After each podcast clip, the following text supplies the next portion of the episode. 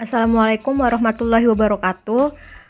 Kami dari kelompok 2 eh, ada saya Aisyah, ada Citra, Dimas Surya, Ikrima, Nur Ayu dan Rizky Gali. Di sini kami akan menyampaikan materi tentang penyajian dan pengungkapan belanja pemerintah dalam rangka penyusunan LKPP. Yang pertama kita mulai dari dasar hukum terlebih dahulu. Di situ di slide berapa ini? 3 terdapat 6 dasar hukum yang mendasari materi hari ini. Yaitu yang pertama Undang-Undang Nomor 17 Tahun 2003 tentang Keuangan Negara, yang kedua Undang-Undang Nomor 1 Tahun 2004 tentang Perbendaharaan Negara, Peraturan Pemerintah Nomor 71 Tahun 2010 tentang Standar Akuntansi Pemerintah, Kemudian Peraturan Menteri Keuangan Nomor 225 PMK 05 2019 tentang kebijakan akuntansi pemerintah pusat, PMK Nomor 222 PMK 05 2016 tentang perubahan atas PMK Nomor 177 PMK 05 2015 tentang pedoman penyusunan LKL. Kemudian yang terakhir Buletin Teknis Komite Standar Akuntansi Pemerintah atau KSAP nomor 4 tahun 2006. Nah, kemudian yang selanjutnya urgensi laporan keuangan pemerintah pusat. Uh, di sini ada pesan dari presiden ya. Uh, jadi presiden tuh menyatakan bahwa setiap rupiah uang rakyat dalam APBN harus digunakan secara bertanggung jawab, harus dikelola dengan transparan, dikelola sebaik-baiknya serta sebesar-besarnya digunakan untuk kepentingan rakyat. Di sini udah jelas ya bahwa uh, pertanggungjawaban APBN itu sangat penting sehingga dibutuhkan uh, eh, LKPP ini. Nah, pernyataan Presiden RI ini tuh saat menerima LHP BPK RI atas LKPP tahun 2019 pada hari Senin 20 Juli 2020. Jadi belum lama ini ya. Nah, kemudian yang selanjutnya LKPP sebagai pertanggungjawaban pelaksanaan APBN. Ini tuh terdapat dalam Undang-Undang Nomor 17 Tahun 2003 tentang Keuangan Negara, kemudian Undang-Undang Nomor 1 Tahun 2004 tentang Perbendaharaan Negara, dan Peraturan Pemerintah Nomor 71 Tahun 2010 tentang Standar Akuntansi Pemerintahan. Nah, di sini LKPP itu merupakan bentuk pertanggungjawaban pemerintah atas pelaksanaan APBN. Nah, LKPP ini disampaikan oleh pemerintah kepada DPR setelah diperiksa oleh BPK dan LKPP ini itu untuk mewujudkan transparansi dan akuntabilitas pengelolaan keuangan negara. Nah, Menteri Keuangan selaku pengelola fiskal menyusun LKPP semester 1 dan tahunan. Kemudian yang selanjutnya ada komponen laporan keuangan pemerintah pusat, cakupan entitas, dan time frame. Nah, yang pertama itu ada komponen. Komponen laporan keuangan pemerintah pusat yang pertama ada laporan realisasi anggaran. Nah, di laporan realisasi anggaran ini merupakan salah satu komponen laporan keuangan pemerintah yang menyajikan ikhtisar sumber, alokasi, dan pemakaian sumber daya keuangan yang dikelola oleh pemerintah pusat atau daerah yang menggambarkan perbandingan antara anggaran dan realisasinya dalam suatu periode tertentu. Makanya di situ terdapat e, pendapatan, belanja, dan pembiayaan. Kemudian yang kedua adalah laporan perubahan saldo anggaran lebih. E, di sini menyajikan informasi kenaikan atau penurunan saldo anggaran lebih tahun pelaporan dibandingkan dengan tahun sebelumnya dan hanya disajikan oleh Bendahara Umum Negara dan entitas pelaporan yang menyusun laporan keuangan konsolidasi. Makanya di sini ada saldo anggaran lebih tahun anggaran yang lalu, ada silpa tahun berkenaan, koreksi dan saldo anggaran lebih akhir. Kemudian yang ketiga ada laporan arus kas. Di sini uh, bagian dari laporan finansial yang menyajikan informasi penerimaan dan pengeluaran kas selama periode tertentu yang diklasifikasikan berdasarkan aktivitas operasi investasi, pendanaan, dan transitoris. Nah, tujuannya LAK ini untuk memberikan informasi mengenai sumber, penggunaan, perubahan kas, dan setara kas selama satu periode akuntansi serta saldo kas dan setara kas pada tanggal pelaporan. LAK ini wajib disusun dan dijadikan dan disajikan hanya oleh unit organisasi yang mempunyai fungsi perbendaharaan umum. Kemudian yang selanjutnya ada laporan operasional. Uh, laporan operasional ini disusun untuk melengkapi pelaporan dari siklus akuntansi berbasis akrual, sehingga penyusunan laporan operasional, laporan perubahan ekuitas, dan neraca mempunyai keterkaitan yang dapat dipertanggungjawabkan. Laporan operasional ini menyediakan informasi mengenai seluruh kegiatan operasional keuangan entitas pelaporan yang tercermin, tercermin dalam pendapatan laporan operasional, beban, dan surplus atau defisit operasional dari suatu entitas pelaporan. Nah, di sini ada pendapatan, beban, kegiatan non operasional, dan pos luar biasa. Terus yang selanjutnya ada laporan perubahan ekuitas. E, di sini tuh menyajikan informasi kenaikan atau penurunan ekuitas tahun pelaporan dibandingkan dengan tahun sebelumnya. Laporan perubahan ekuitas ini menyediakan informasi mengenai perubahan posisi keuangan entitas pelaporan, apakah mengalami kenaikan atau penurunan sebagai akibat kegiatan yang dilakukan selama periode pelaporan. Jadi di sini makanya ada ekuitas awal, ada surplus atau defisit, ada dampak kumulatif dan ekuitas akhir. Kemudian yang keenam ada neraca. Neraca merupakan laporan keuangan yang menggambarkan posisi keuangan suatu entitas pelaporan mengenai aset, kewajiban, dan ekuitas pada tanggal tertentu. Nah, ini makanya isinya ada aset, kewajiban, dan ekuitas. Kemudian yang terakhir ada catatan atas laporan keuangan. Nah, CALK ini merupakan bagian yang tak terpisahkan dari laporan keuangan dan oleh karena itu setiap entitas pelaporan diharuskan diharuskan untuk uh, menyajikan CALK ini. Nah, CAK ini meliputi penjelasan atau daftar terinci atau analisis atas nilai suatu pos yang disajikan dalam laporan realisasi anggaran, laporan perubahan saldo anggaran lebih, neraca, laporan operasional, laporan arus kas, dan laporan perubahan ekuitas. Jadi, eh, ada semua laporan ya. Termasuk pula dalam catatan atas laporan keuangan adalah penyajian informasi yang diharuskan dan dianjurkan oleh pernyataan standar akuntansi pemerintahan serta pengungkapan-pengungkapan lainnya yang diperlukan untuk penyajian yang wajar atas laporan keuangan, seperti kewajiban kontingensi dan komitmen-komitmen lainnya.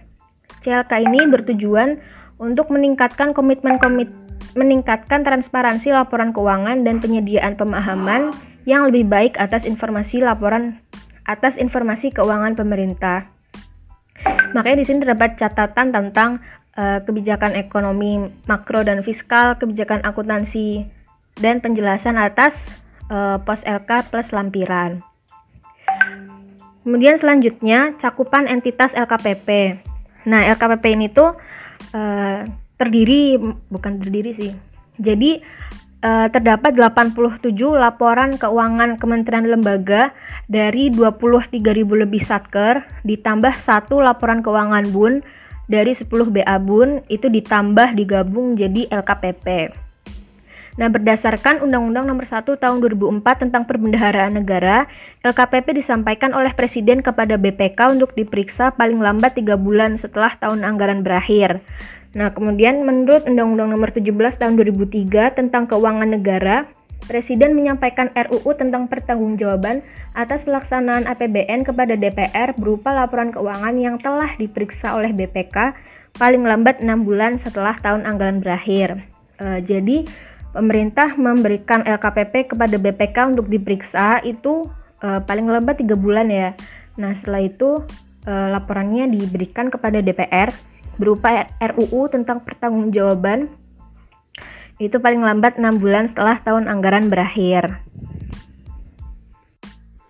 Selanjutnya kita membicarakan tentang time frame proses pertanggungjawaban APBN. Setelah tahun anggaran berakhir, maka kita harus mempertanggungjawabkan APBN yang telah kita gunakan di tahun sebelumnya. Dimulai dari bulan Januari sampai dengan Februari akan dilaksanakan proses penyusunan laporan keuangan kementerian lembaga dan laporan keuangan bendahara umum negara.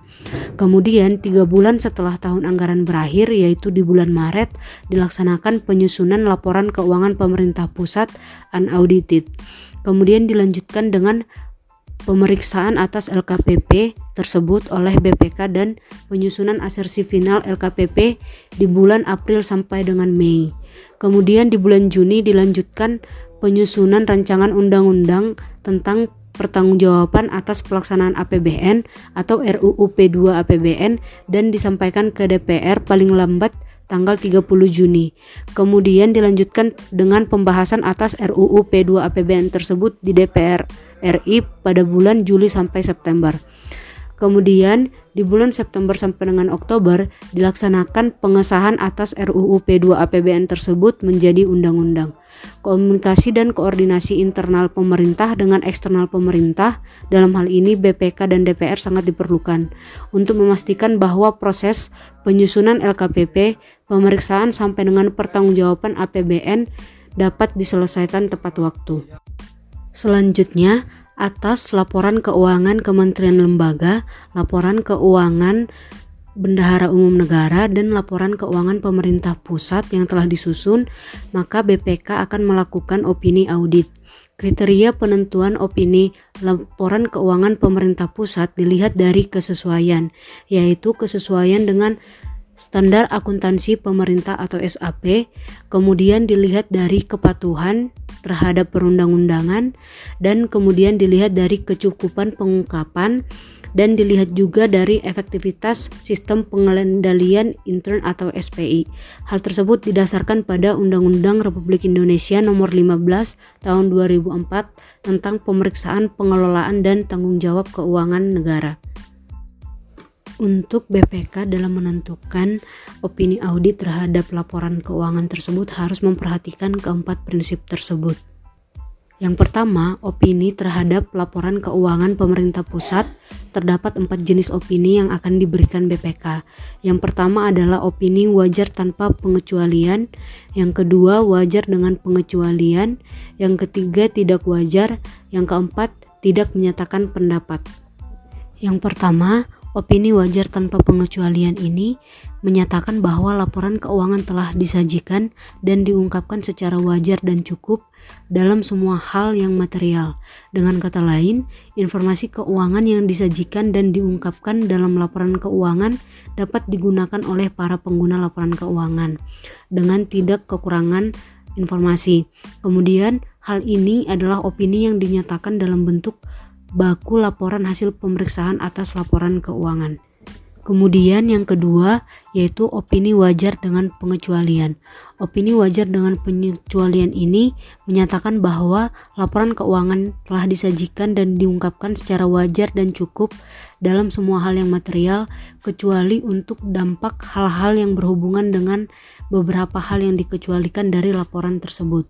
Dengan kata lain, informasi keuangan yang disajikan dan diungkapkan dalam laporan keuangan yang tidak dikecualikan dalam opini pemeriksa dapat digunakan oleh para pengguna laporan keuangan. Kemudian, untuk opini tidak wajar, opini tidak wajar ini menyatakan bahwa laporan keuangan tidak disajikan dan diungkapkan secara wajar dan cukup dalam semua hal yang material. Dengan kata lain, informasi keuangan yang disajikan dan diungkapkan dalam laporan keuangan tersebut tidak dapat digunakan oleh para pengguna laporan keuangan lainnya. Kemudian yang terakhir, opini tidak menyatakan pendapat.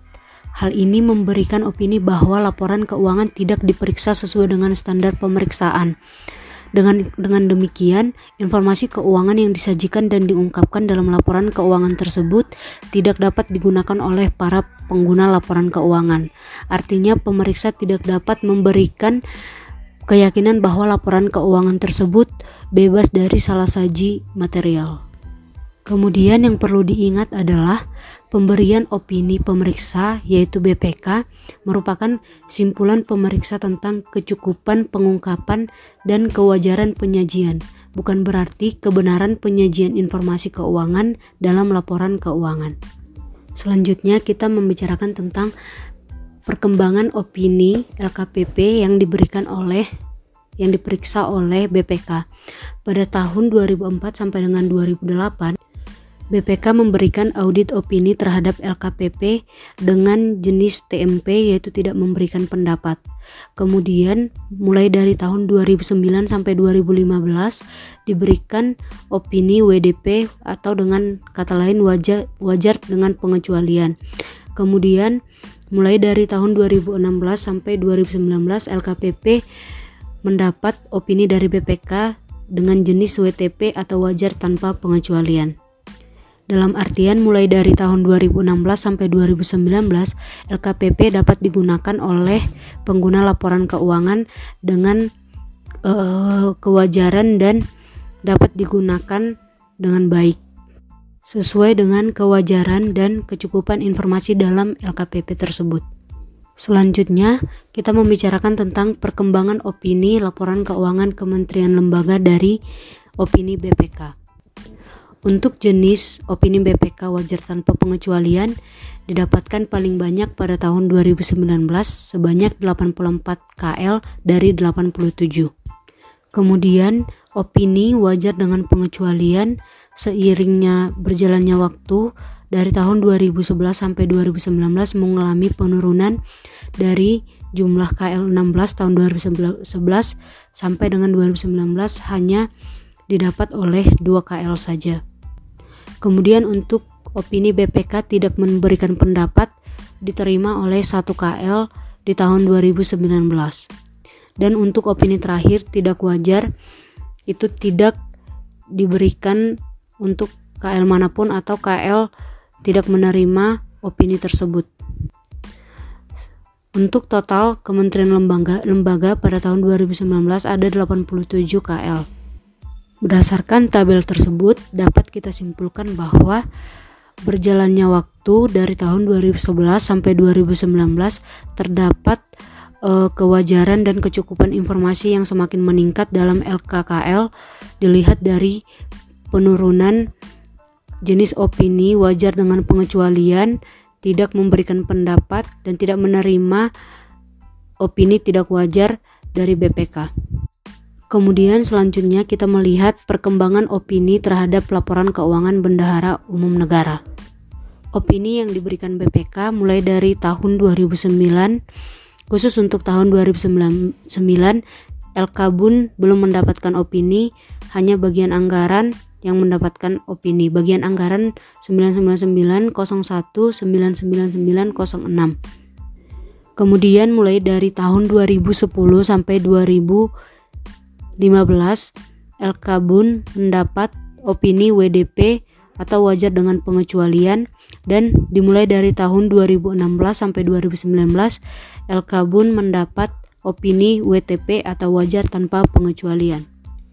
Kemudian kita mengetahui bagaimana urgensi dari opini wajar tanpa pengecualian. Yang pertama adalah sebagai wujud akuntabilitas pelaksanaan APBN, yang kedua sebagai dasar pengambilan kebijakan, yang ketiga sebagai dasar komunikasi capaian pembangunan kepada masyarakat, kemudian yang keempat sebagai dasar meningkatkan kepercayaan publik kepada pemerintah, dan yang terakhir sebagai komitmen pemerintah melaksanakan good governance. Selanjutnya, saya akan membahas mengenai mekanisme penyusunan LKPP. Dalam menyusun LKPP, memperhatikan enam hal. Yang pertama yaitu jenjang penyusunan LKPP, kemudian standar dan kebijakan akuntansi, sistem akuntansi pemerintah pusat, validitas data laporan keuangan, penelaahan laporan keuangan, serta review laporan keuangan. Dalam jenjang penyusunan LKPP sendiri, yang terdiri atas LKKL serta LKBUN. Untuk LKKL dimulai dari Satker, kemudian kantor wilayah, eselon 1 hingga KL yang bersangkutan. Kemudian untuk LKBUN terdiri atas 10 BABUN. Kemudian dari LKKL dan LKBUN tersebut dikompilasi menjadi laporan keuangan pemerintah pusat. Kemudian untuk standar dan kebijakan akuntansi. Untuk standar akuntansi pemerintah ditetapkan dalam PP nomor 71 tahun 2010 tentang standar akuntansi pemerintahan yang disusun oleh Komite Standar Akuntansi Pemerintah yang mencakup akuntansi pemerintah pusat dan akuntansi pemerintah daerah. Untuk kebijakan akuntansi pemerintah pusat ditetapkan dalam PMK 225 tahun 2019 yang disusun oleh Kementerian Keuangan melalui Direktorat Jenderal Perbendaharaan Negara. Kemudian untuk standar akuntansi perintah merupakan salah satu sandaran dalam penyusunan kebijakan akuntansi pemerintah pusat.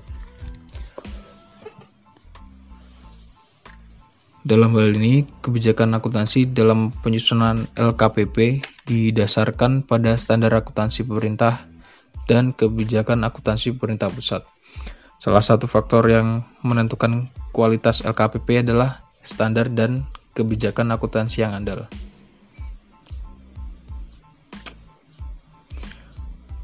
Untuk sistem akuntansi pemerintah pusat terdiri dari sistem akuntansi instansi dan sistem akuntansi BUN. Untuk sistem akuntansi instansi diatur dalam PMK 215 tahun 2016 yang meliputi sistem akuntansi keuangan. Dalam hal ini, KL selaku pengguna anggaran dan sistem akuntansi barang milik negara. KL selaku pengguna barang. Kemudian untuk sistem akuntansi BUN BUN selaku pengelola kas, yaitu menggunakan sistem akuntansi pusat. Kemudian untuk BUN selaku pengguna anggaran, dibagi menjadi berdasarkan badan anggarannya. Kemudian untuk validitas data laporan keuangan, Nah, dalam mewujudkan data laporan keuangan yang valid, dilakukanlah rekonsiliasi, yaitu proses pencocokan data transaksi keuangan yang diproses dengan beberapa sistem atau subsistem yang berbeda berdasarkan dokumen sumber yang sama. Dalam praktiknya, rekonsiliasi dilakukan secara sistem melalui aplikasi e-recon LK. Rekonsiliasi dilakukan secara internal maupun secara eksternal. Selanjutnya untuk penelaahan laporan keuangan. Jadi penelaahan laporan keuangan ini merupakan suatu kegiatan memeriksa laporan keuangan oleh penyusun laporan untuk meyakini keandalan laporan keuangan yang disusunnya. Tujuan dari penelaahan ini yaitu untuk meyakini keandalan laporan keuangan yang disusunnya sebelum disampaikan ke jenjang atau unit akuntansi yang di atasnya. Dalam hal ini, eh, beberapa aspek dalam laporan keuangan yang ditelaah antara lain kewajaran angka-angka yang terdapat pada laporan keuangan, kelengkapan laporan keuangan, kecukupan pengungkapan, kesesuaian dengan persamaan dasar akuntansi pemerintah, serta kesesuaian dengan migrasi saldo awal.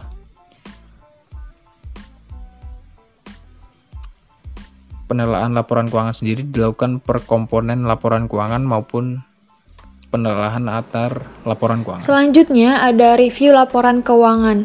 Nah, dalam review laporan keuangan ini terdapat peranan APIP di dalamnya, yang mana APIP ini berperan untuk memberikan keyakinan memadai atas ketaatan, kehematan, efisiensi dan efektivitas pencapaian tujuan penyelenggaraan tugas dan fungsi instansi pemerintah, juga untuk memberikan peringatan dini dan meningkatkan efektivitas manajemen risiko dalam penyelenggaraan tugas dan fungsi instansi pemerintah, dan memelihara serta meningkatkan kualitas tata kelola penyelenggaraan tugas dan fungsi instansi pemerintah. Lalu, untuk apa sih dilakukannya review laporan keuangan ini? Nah, review laporan keuangan ini dilakukan untuk membantu terlaksananya penyelenggaraan akuntansi dan penyediaan dan penyajian laporan keuangan, juga untuk memberikan keyakinan terbatas mengenai akurasi, keandalan, dan keabsahan informasi laporan keuangan KL, serta pengakuan, pengukuran, dan pelaporan transaksi sesuai dengan standar akuntansi pemerintah kepada menteri atau pimpinan lembaga, sehingga dapat dihasilkan laporan keuangan KL yang berkualitas. Nah, bagaimana cara kita untuk mengetahui laporan keuangan ini telah direview? Jadi, laporan keuangan yang telah direview itu adalah laporan keuangan yang terdapat pernyataan telah direview yang mana telah ditandatangani oleh pimpinan APIP yang melakukan review tersebut. Selanjutnya, uh, untuk buletin teknis nomor 4 itu membahas mengenai klasifikasi belanja. Jadi uh, latar belakangnya itu ada empat. Yang pertama, klasifikasi pendapatan dan belanja dalam pelaporan keuangan. Pelaporan keuangan negara atau daerah itu harus sudah ditentukan pada saat menyusun perencanaan dan penganggaran.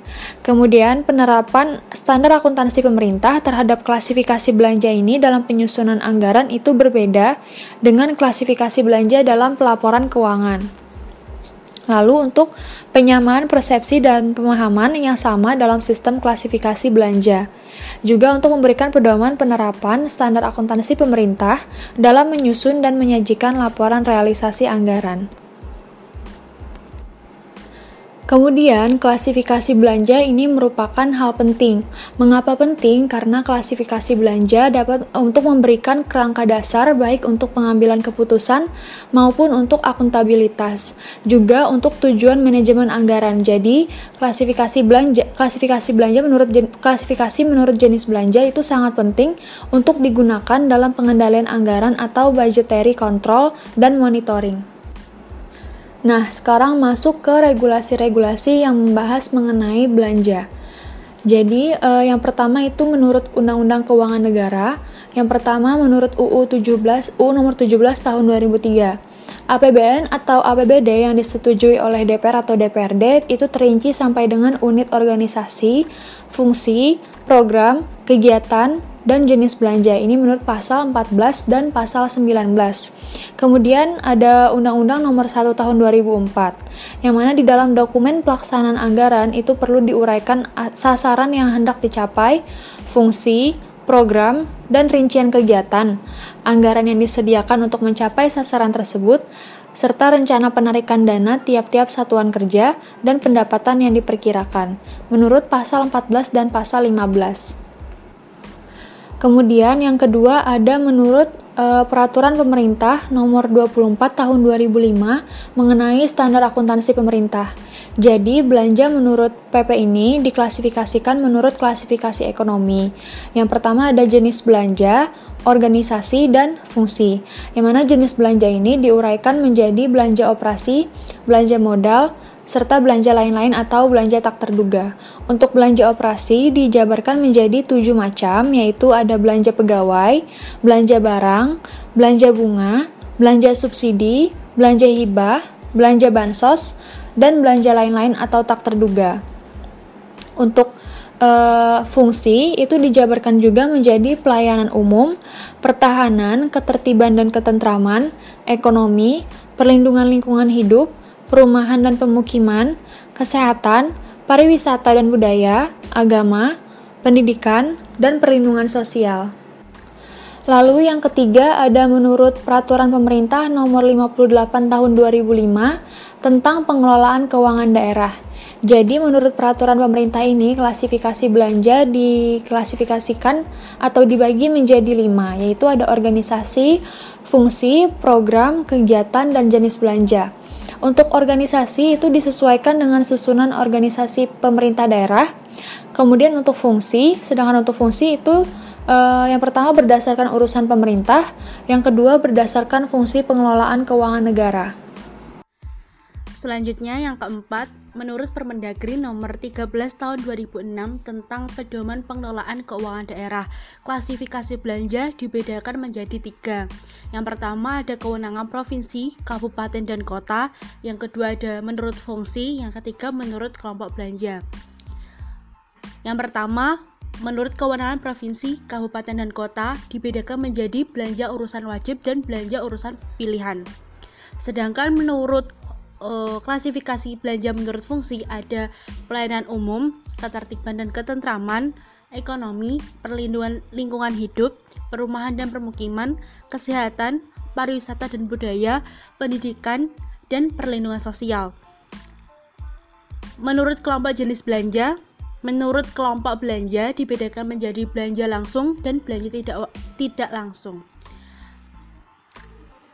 Selanjutnya ada klasifikasi belanja menurut fungsi. Fungsi adalah perwujudan tugas kepemerintahan di bidang tertentu yang dilaksanakan dalam rangka mencapai tujuan pembangunan nasional. Subfungsi merupakan penjabaran lebih lanjut dari fungsi. Klasifikasi fungsi dibagi ke dalam 11 fungsi utama dan dirinci dalam 79 subfungsi. Penggunaan fungsi dan subfungsi disesuaikan dengan tugas pokok dan fungsi masing-masing kementerian negara, lembaga, atau SKPD. Sedangkan kalau program adalah penjabaran kebijakan Kementerian Negara, lembaga, SKPD dalam bentuk upaya yang berisi satu atau beberapa kegiatan dengan menggunakan sumber daya yang disediakan untuk mencapai hasil terukur sesuai dengan misi yang dilaksanakan instansi atau masyarakat dalam koordinasi Kementerian Negara atau lembaga yang bersangkutan. Sedangkan kalau kegiatan adalah bagian dari program yang dilaksanakan oleh satu atau beberapa satuan kerja sebagai bagian dari pencapaian sasaran terukur pada suatu program. Kegiatan sendiri terdiri dari sekumpulan tindakan pengerahan sumber daya baik, baik berupa sumber daya manusia, barang modal termasuk peralatan dan teknologi, dana maupun kombinasi dari beberapa atau semua jenis sumber daya tersebut sebagai masukan atau input untuk menghasilkan suatu output dalam bentuk barang dan jasa. Selanjutnya, klasifikasi belanja menurut jenis belanja. Berdasarkan pasal 11 ayat 4 Undang-Undang Nomor 17 tahun 2003, belanja negara dalam APBN digunakan untuk keperluan penyelenggaraan tugas pemerintahan pusat dan pelaksanaan perimbangan keuangan antara pemerintah pusat dan pemerintah daerah, sehingga terdapat dua jenis pengeluaran pemerintah, yaitu belanja pemerintah dan pengeluaran transfer. Pengeluaran dalam bentuk belanja untuk keperluan penyelenggaraan tugas pemerintahan tersebut menurut ketentuan peraturan perundang-undangan diklasifikasikan menurut organisasi, fungsi, dan jenis belanja. Selanjutnya, khusus untuk keperluan pengendalian manajemen, klasifikasi yang mudah untuk dilakukan pengendalian sejak perencanaan penganggaran, pelaksanaan dan pertanggungjawabannya, pertanggungjawabannya adalah klasifikasi menurut ekonomi atau jenis belanja, yaitu yang pertama ada belanja operasi. Belanja operasi ini terdiri dari belanja pegawai, belanja barang, bunga, subsidi, hibah, dan bantuan sosial. Yang kedua ada belanja modal. Nah, belanja modal ini terdiri dari belanja tanah, belanja peralatan dan mesin, belanja gedung dan bangunan, belanja jalan, irigasi, dan belanja aset tetap lainnya. Yang ketiga ada belanja lain-lain yang tidak terduga. Yang keempat ada transfer. Dalam penyusunan LRA, klasifikasi yang dicantumkan pada lembar muka laporan keuangan adalah menurut jenis belanja. Belanja negara dalam anggaran pendapatan dan belanja desa. Berdasarkan peraturan pemerintah nomor 58 tahun 2005 yang kemudian dijabarkan dalam Permendagri nomor 13 tahun 2006, belanja diklasifikasikan berdasarkan jenis belanja sebagai belanja tidak langsung dan belanja langsung. Kelompok belanja tidak langsung merupakan belanja yang dianggarkan tidak terkait secara langsung dengan pelaksanaan program dan kegiatan. Kelompok belanja langsung merupakan belanja yang dianggarkan terkait secara langsung dengan pelaksanaan program dan kegiatan. Selanjutnya, kelompok belanja tidak langsung dibagi menjadi menjadi jenis belanja yang terdiri dari belanja pegawai, belanja bunga, belanja subsidi, belanja hibah, belanja bantuan sosial, belanja bagi hasil, belanja keuangan, dan belanja tak terduga. Sedangkan untuk kelompok belanja langsung terdiri dari kegiatan yang dibagi menurut jenis belanja yang terdiri dari belanja pegawai, belanja barang dan jasa, belanja modal. Belanja pegawai dalam kelompok belanja langsung menurut tersebut dimaksudkan untuk pengeluaran honorarium atau upah dalam melaksanakan melaksanakan program dan kegiatan pemerintah daerah. Belanja barang dan jasa digunakan untuk pengeluaran, pembelian, atau pengadaan barang yang nilai manfaatnya kurang dari 12 bulan dan atau pemakaian jasa yang dalam melaksanakan program dan kegiatan pemerintah daerah. Belanja model digunakan untuk pengeluaran yang dilakukan dalam rangka pembelian atau pengadaan atau pembangunan aset tetap berwujud yang mempunyai nilai manfaat lebih dari 12 bulan untuk digunakan dalam kegiatan pemerintah penyajian dan pengungkapan belanja pemerintah. Bultek nomor 4 penyajian belanja dalam laporan realisasi anggaran. Belanja yang disajikan dalam laporan realisasi anggaran adalah klasifikasi menurut jenis belanja yang dikelompokkan menurut belanja operasi, belanja model, dan belanja lain-lain atau belanja tak terduga. Laporan realisasi anggaran dengan klasifikasi belanja menurut fungsi, organisasi, dan klasifikasi lainnya yang dibutuhkan sesuai kepentingan manajerial disajikan sebagai lampirannya dan diungkapkan dalam catatan laporan keuangan. Penyajian belanja pada laporan arus kas.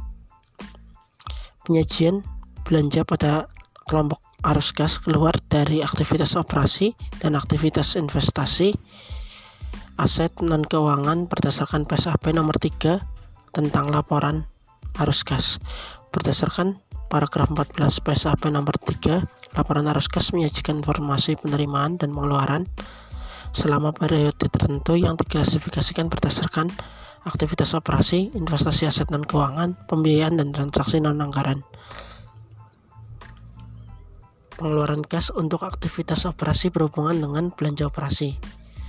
Pengeluaran kas untuk investasi aset non keuangan berhubungan dengan belanja modal. Penyajian belanja pada catatan atas laporan keuangan. Catatan atas laporan keuangan menyajikan informasi tentang penjelasan pos-pos laporan keuangan dalam rangka pengungkapan yang memadai, antara lain menyajikan ikhtisar pencapaian kinerja keuangan selama tahun pelaporan, mengungkapkan informasi yang diharuskan oleh PSAP yang belum disajikan dalam lembar muka laporan keuangan, menyediakan informasi tambahan yang diperlukan untuk penyajian wajar yang tidak disajikan dalam lembar muka laporan keuangan. Penyajian belanja pada catatan atas laporan keuangan. Informasi tambahan tentang belanja yang tidak disajikan dalam lembar muka laporan keuangan yang perlu diungkapkan dalam catatan laporan keuangan terlain. Rincian belanja menurut organisasi, rincian belanja menurut fungsi dan klasifikasi belanja menurut fungsi yang digunakan untuk tujuan keselarasan dan keterpaduan pengelolaan keuangan negara. Rincian belanja menurut program dan kegiatan yang disesuaikan dengan urusan pemerintah yang menjadi keuangan kewenangan daerah. Rincian belanja menurut urusan pemerintahan. Rincian belanja menurut belanja langsung dan belanja tidak langsung. Cukup sekian presentasi dari kelompok kami. Apabila ada tutur kata yang kurang berkenan kami mohon maaf. Terima kasih atas perhatiannya. Wabillahi taufik walidayah. Wassalamualaikum warahmatullahi wabarakatuh.